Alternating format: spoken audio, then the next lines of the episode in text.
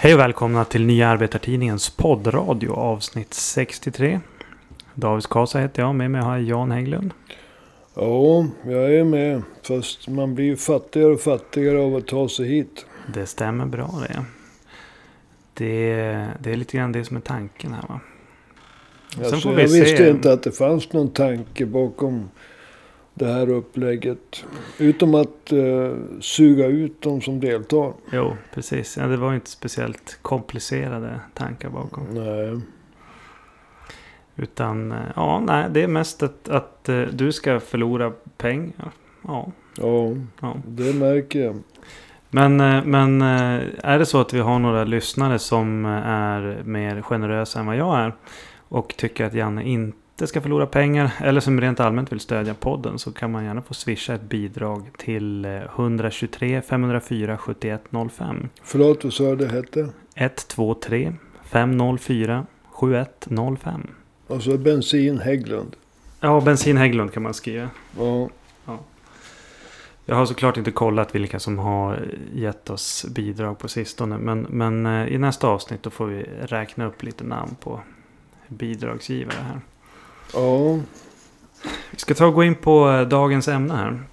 Ja, först ska jag ta en klunk eh, Coca-Cola Zero. Vi eh, har ju fått sponsorer och jag tänkte på ett smidigt sätt smyga in det hela utan att det märks. Ja, ett ögonblick. Ja, men medan du dricker kolan där så kan jag passa på att be om ursäkt för att vi har haft ett uppehåll här på en vecka. Har vi den uppmärksamma märkt att vi hade inget avsnitt eh, förra helgen. Det berodde på att eh, Janne, du var med i en annan podd. Ja, du svek helt enkelt. Ja, alltså, jag går ju dit pengarna går. Va? Follow the money heter det. Och jag behövde tanka bilen. Ja.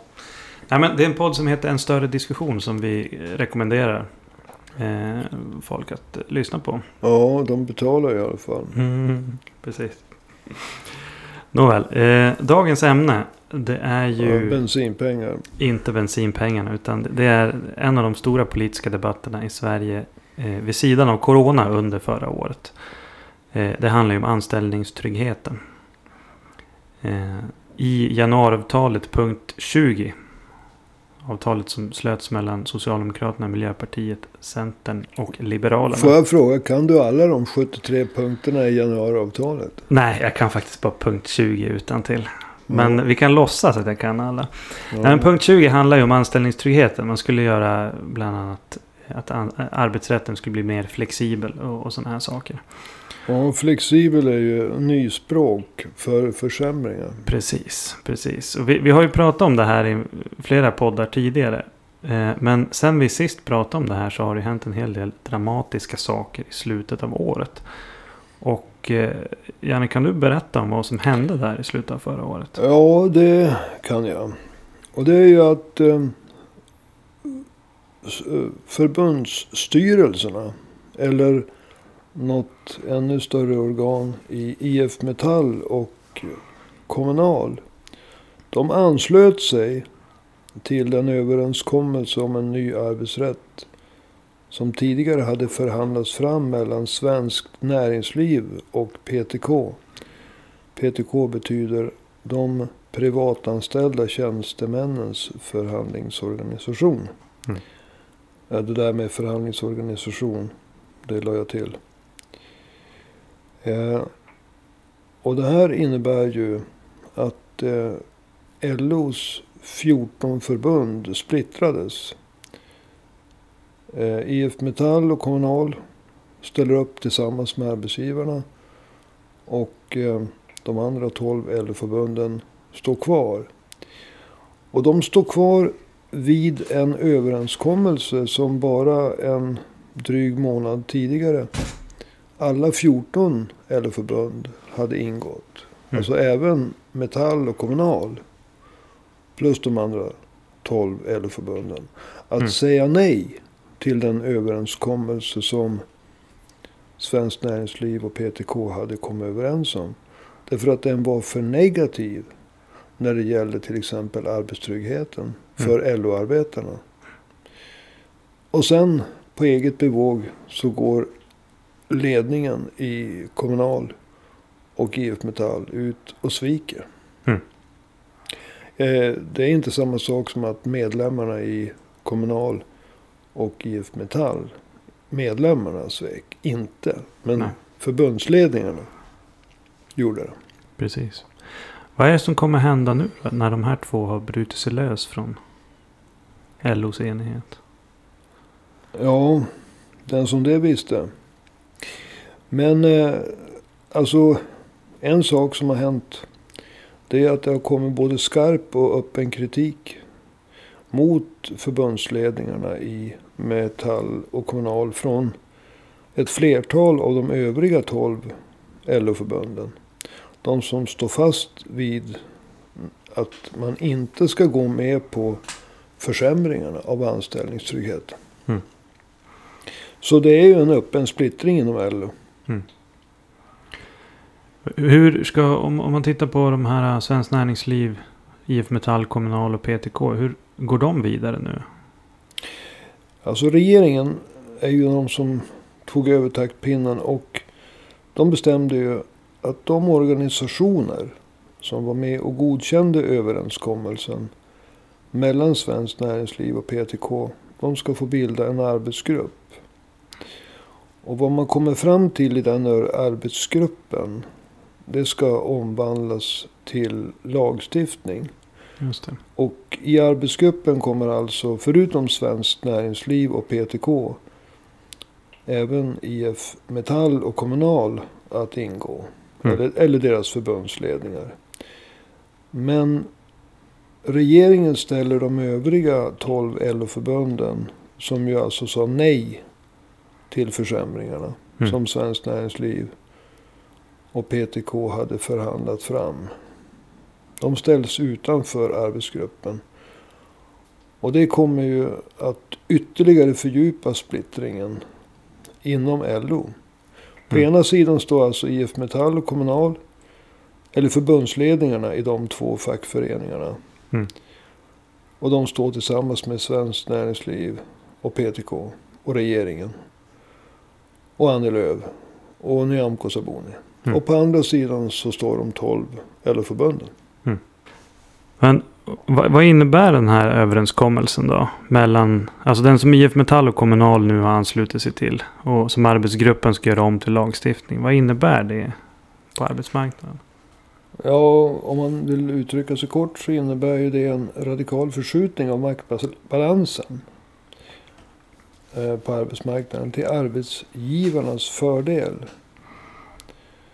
Det är vad det innebär i korthet. Och det kommer ju att skärpa sprickan inom LO. Och man kan ju tänka sig att eftersom det finns en väldigt stark koppling mellan LO och Socialdemokraterna. Där just eh, IF Metall och Kommunal. De, de är ju alltid representerade i den socialdemokratiska partitoppen. Mm. Så kan, därför kan man ju också tänka sig att eh, de toppar inom Kommunal och Metall. Som alltså sitter i sossarnas högsta ledning. De kommer att ses som svikare av de andra 12 LO-förbunden. Men även av många medlemmar i Metall och Kommunal. Mm.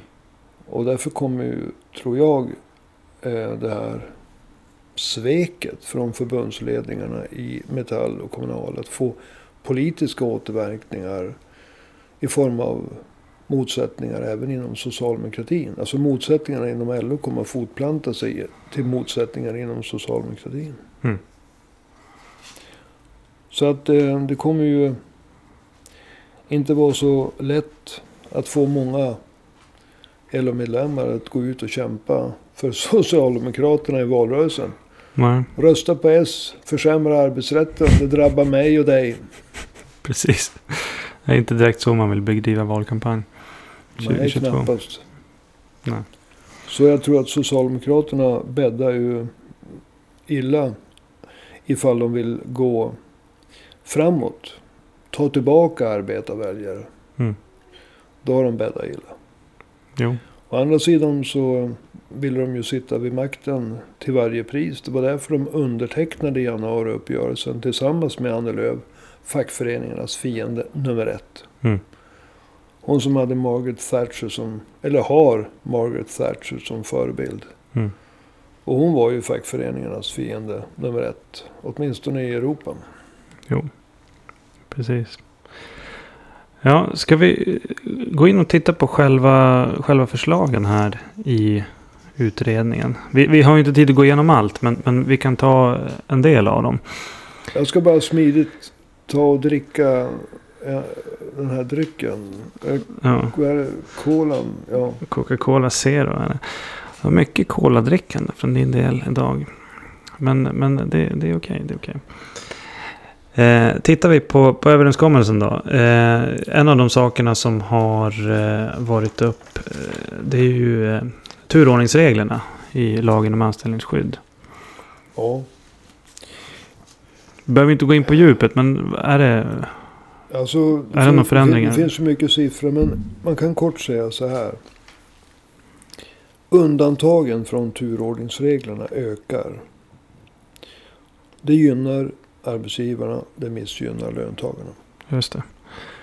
Eh, en annan sak som var uppe tidigare det är ju det här rätten att få behålla sin anställning medan det pågår en tvist om en uppsägning. Ja, det, det är väldigt negativt för löntagarna. Tidigare var det så att om en löntagare blev uppsagd och ansåg att det var en felaktig uppsägning och ville ta strid mot uppsägningen. Då kunde löntagaren behålla både sin anställning och lön under den tid det tog att avgöra tvisten huruvida det var en rättvis uppsägning eller inte. Mm. Och har du kvar anställningen, då har du också kvar knytningen till arbetsplatsen.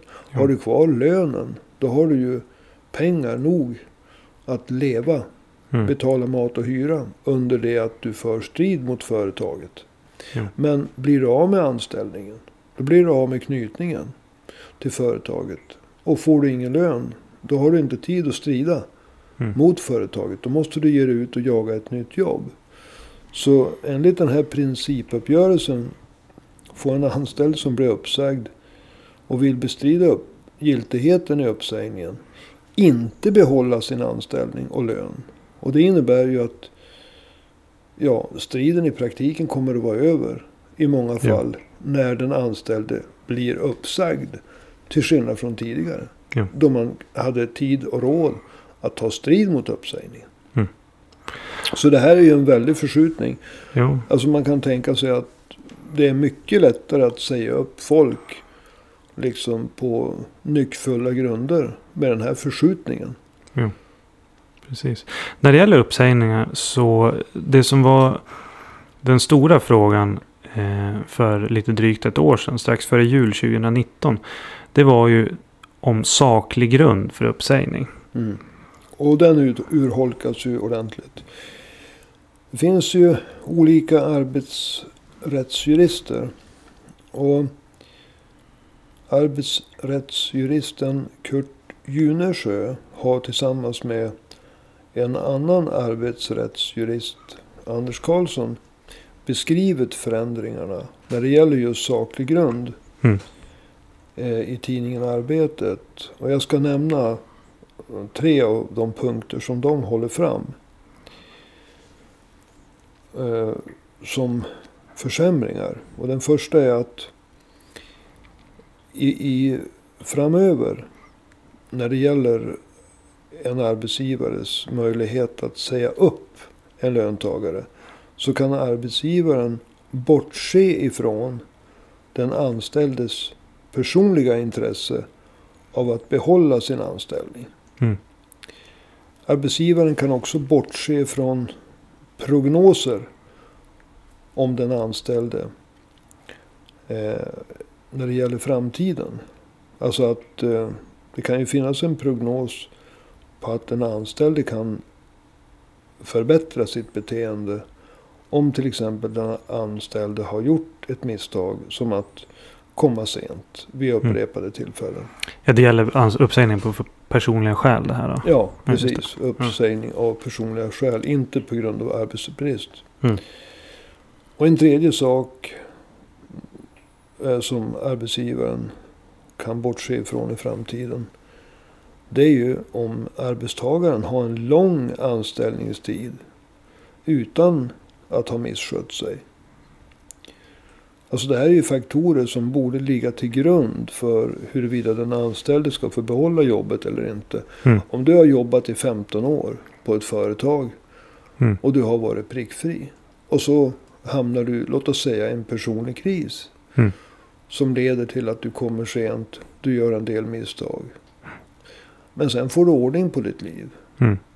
Och du har 15 år investerade i företaget. Och prognosen, ja den är väldigt god. Nu har du fått ordning på ditt liv. Men arbetsgivaren kan helt och hållet bortse ifrån det. Det kunde inte arbetsgivaren tidigare. Nej. Och det här är ju också en enorm förskjutning till arbetsgivarens fördel. Och till nyckfulla uppsägningar. Precis. Eh, hur är det mer kring det här med saklig grund? För jag vet att de, de ändrade någonting i hur man ska se på lagstiftningen kring det här också. Ja, du har ju uppenbarligen eh, lämnat det bästa, det vill säga sämsta till sist. Va? Ja. Alltså, alla anställda måste ha rätt till saklig grund vid uppsägning. Idag så är det en lagfäst rättighet. Mm. Men i den här nya principöverenskommelsen mellan Svenskt Näringsliv och de fackförbund som har godtagit uppgörelsen. Alltså PTK, IF Metall och Kommunal. Mm. Så tillåts att arbetsgivaren och fackföreningarna själva får förhandla om vad som utgör en saklig grund för uppsägning. Det här innebär alltså att det blir en dispositiv lag.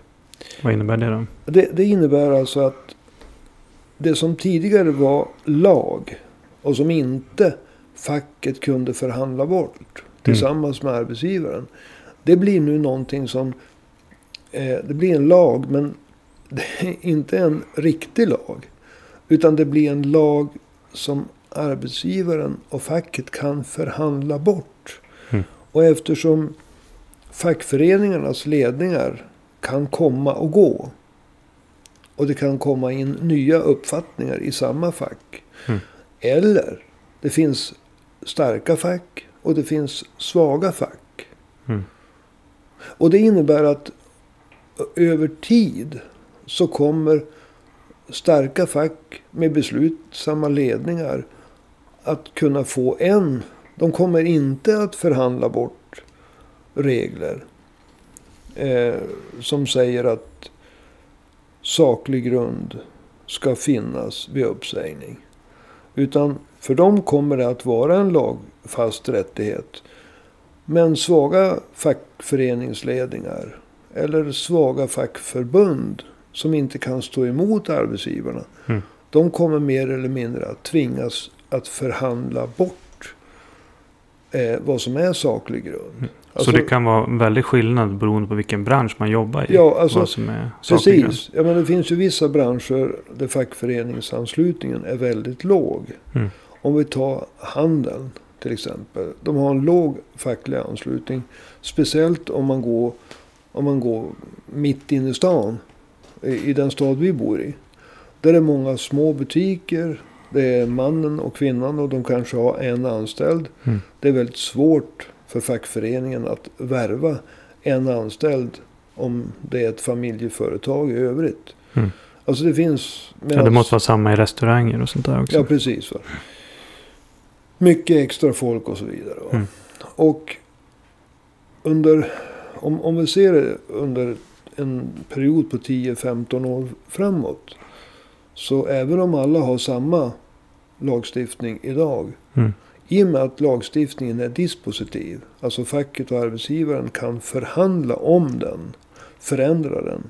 Så sett på en 10-15 års tid så är jag helt övertygad om att vissa fackföreningar kommer att ha en stark Eh, De kommer, lagstiftningen kommer att stå fast. Mm. Andra kommer att förhandla bort den, försämra den. Deras anställda kommer att få sämre villkor. Mm. Och det är faran med att göra en lagstiftning dispositiv. Att fackets ledning kan förhandla bort rättigheter i förhandlingar med arbetsgivaren. Mm. Och det handlar om styrkeförhållanden. Och det kommer att innebära att olika LO-förbund kommer att få olika regler helt enkelt. Vissa kommer att stå starkare, andra kommer att få sva- stå svagare när det gäller anställningstryggheten. Mm. Ja, det är ju en väldig förändring. Ja, det är en väldig förändring.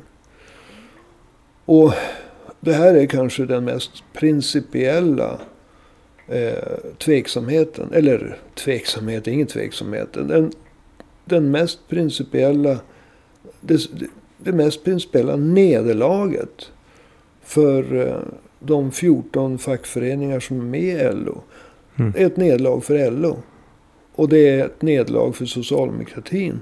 Som, Jo, gick, som gick i spetsen på 70-talet för att stärka arbetsrätten. Alltså för att, eh, om jag... Ja, det här vill jag säga va. Alltså på 70-talet så genomdrev drev socialdemokratin mycket efter press från LO, men även av egen kraft. En rad förändringar inom arbetsrätten. Det var eh, LAS, alltså lagen om anställningsskydd 1974. MBL, medbestämmandelagen 1976. Vi hade lagen om facklig förtroendemans ställning. Vi hade studieledighetslagen. Det var eh, en, lag, eh, en rad eh, lagar som infördes. Som stärkte löntagarnas och fackets ställning i förhållande till arbetsgivarna. Nu har Socialdemokraterna, för att få behålla regeringsmakten, eh, ingått januariavtalet med Centerns Annie Lööf och Liberalerna. Mm. Och där i punkt 20 så har man alltså lovat att försämra arbetsrätten. Mm. Sen lägger Socialdemokraterna över själva skitgörat Mm. på facket. Jo. Men LO säger nej. LO som representant för 14 fackföreningar. Men två fackföreningar är väldigt eh, nära Socialdemokraterna. Metall och Kommunal. Och händelsevis är just de två fackföreningarna som sviker de andra 12 LO-facken. Och går med på arbetsgivarnas krav på förändringar. Mm. Så att man kan säga arbetsgivarna och Centern. De kör samma race. Mm. Och eh, för att Stefan Löfven ska slippa gå ut och säga jag är fackföreningarnas fiende. Så lägger han över ansvaret på Metalls ledning och Kommunals ledning. Va? Ja, de ställer villigt upp. Och de ställer upp. Mm. Men det här är ju ingen... Alltså det, finns ju inga eh, LO-medlemmar. Det finns ju ingen i ledningen för LO som inte ser igenom... Eller i LO-förbunden. Mm. Som inte ser igenom det här. Va? Men så här går det till. Mm. Det här är politiskt fulspel. Och Jo, fackföreningarna, speciellt då förbundsledningarna inom Metall och Kommunal, spelar med i det här fulspelet. Och förlorarna, det är medlemmarna. Inte bara i de andra 12 förbunden utan även medlemmarna i Metall och Kommunal. Mm. Just det. Eh, vi ska börja avrunda här. Men har du några avslutande ord? Eh, till exempel kring vilka politiska konsekvenser och bety- vilken politisk betydelse det här kan få. Ja, jag har ju varit inne på det tidigare. Jo, precis. Vi kan ta det igen. Alltså, jag tror att många LO-medlemmar kommer att se på ledarna inom IF Metall och Kommunal som drängar åt arbetsgivarna. Och man kommer att se Stefan Löfven som en allierad till Annie Lööf i Centern. Som eh, personer som har förrått dem alltså. Mm. Tillsammans med Socialdemokraterna och Centern. Alltså det här kommer inte att gå obemärkt förbi. Det, det, de fyra partierna, Socialdemokraterna, Centern, Miljöpartiet och Liberalerna. De har agerat kollektivt. Som drängar åt arbetsgivarna för att försämra arbetsrätten. Mm. Och eh, till de fyra partierna så hör förbundsledningarna i IF Metall och Kommunal. Mm. Men ingen skugga ska falla över de vanliga medlemmarna i Kommunal och IF Metall. Och ingen skugga ska falla över de 12 LO-förbund som stod fast vid LOs nej till de här försämringarna. Nej. Och eh, jag säger det igen alltså, när det blir val så tror jag Socialdemokraterna kommer att få betala ett pris. För vilka LO-medlemmar vill gå ut och kämpa för en S-valseger när de ska kämpa för alltså en försämrad anställningstrygghet Mm. som drabbar dem själv. Ska de gå till sina arbetskamrater och säga hej, rösta på Socialdemokraterna. Det var de som försämrade eh, din och min arbetsrätt Mm. tillsammans med Annie Lööf. Alltså det håller inte. Nej. Så sossarna har just, eh, tror jag, lagt grunden till att ta ännu ett steg bakåt inom LO-leden. Mm. Och då undrar man ju vars, vars går LO-arbetarna? Förhoppningsvis inte till SD. Förhoppningsvis till ett mer radikalt alternativ. All right. Då får jag tacka så mycket för den här gången. Då. Ja, ja, jag tar mig en klunk cola. Ja, det tycker För jag någonstans måste ju bensinpengarna komma ifrån. Ja, precis. Ehm, ja, eh, tackar även eh, er som har lyssnat på det här avsnittet. Ehm, tycker ni att vi gör ett bra jobb så går det alldeles utmärkt att swisha oss en slant. Inget bidrag är för stort brukar vi säga. Och man kan swisha till 123 504 7105. Alltså 123 504 7105. Om du inte hann skriva upp det där så har vi faktiskt det i um, beskrivningen till det här poddavsnittet. I beskrivningen till poddavsnittet finns det även en länk till en uh, längre artikel. Där vi har gått igenom eh, på djupet eh, vad den här uppgörelsen mellan Svenskt Näringsliv, PTK, IF Metall och Kommunal innebär. Så för den som vill läsa lite mer. eh, Du nämnde ju lite siffror där Janne. De, de finns ju i den där artikeln. Alltså du menar, du menar detaljerat, alltså på djupet. vi, precis. vi gick ju igenom det på djupet. Jo. Du, du, vill, du vill ha detaljerna. Jo, exakt. Om man är liksom så, man vill ha siffror. Kronor och ören, procent. Mm. Ja, sånt där. Det finns det där. Alright. Eh, då var vi klara för idag kan man säga. Och eh, vi hörs igen nästa vecka helt enkelt. Skas Ja. heter jag. Om man tar sig hit. Jan Hägglund har vi där, klagandes över bensinen. Det här är nya Arbetartidningens poddrad. Vi hörs. Hej då.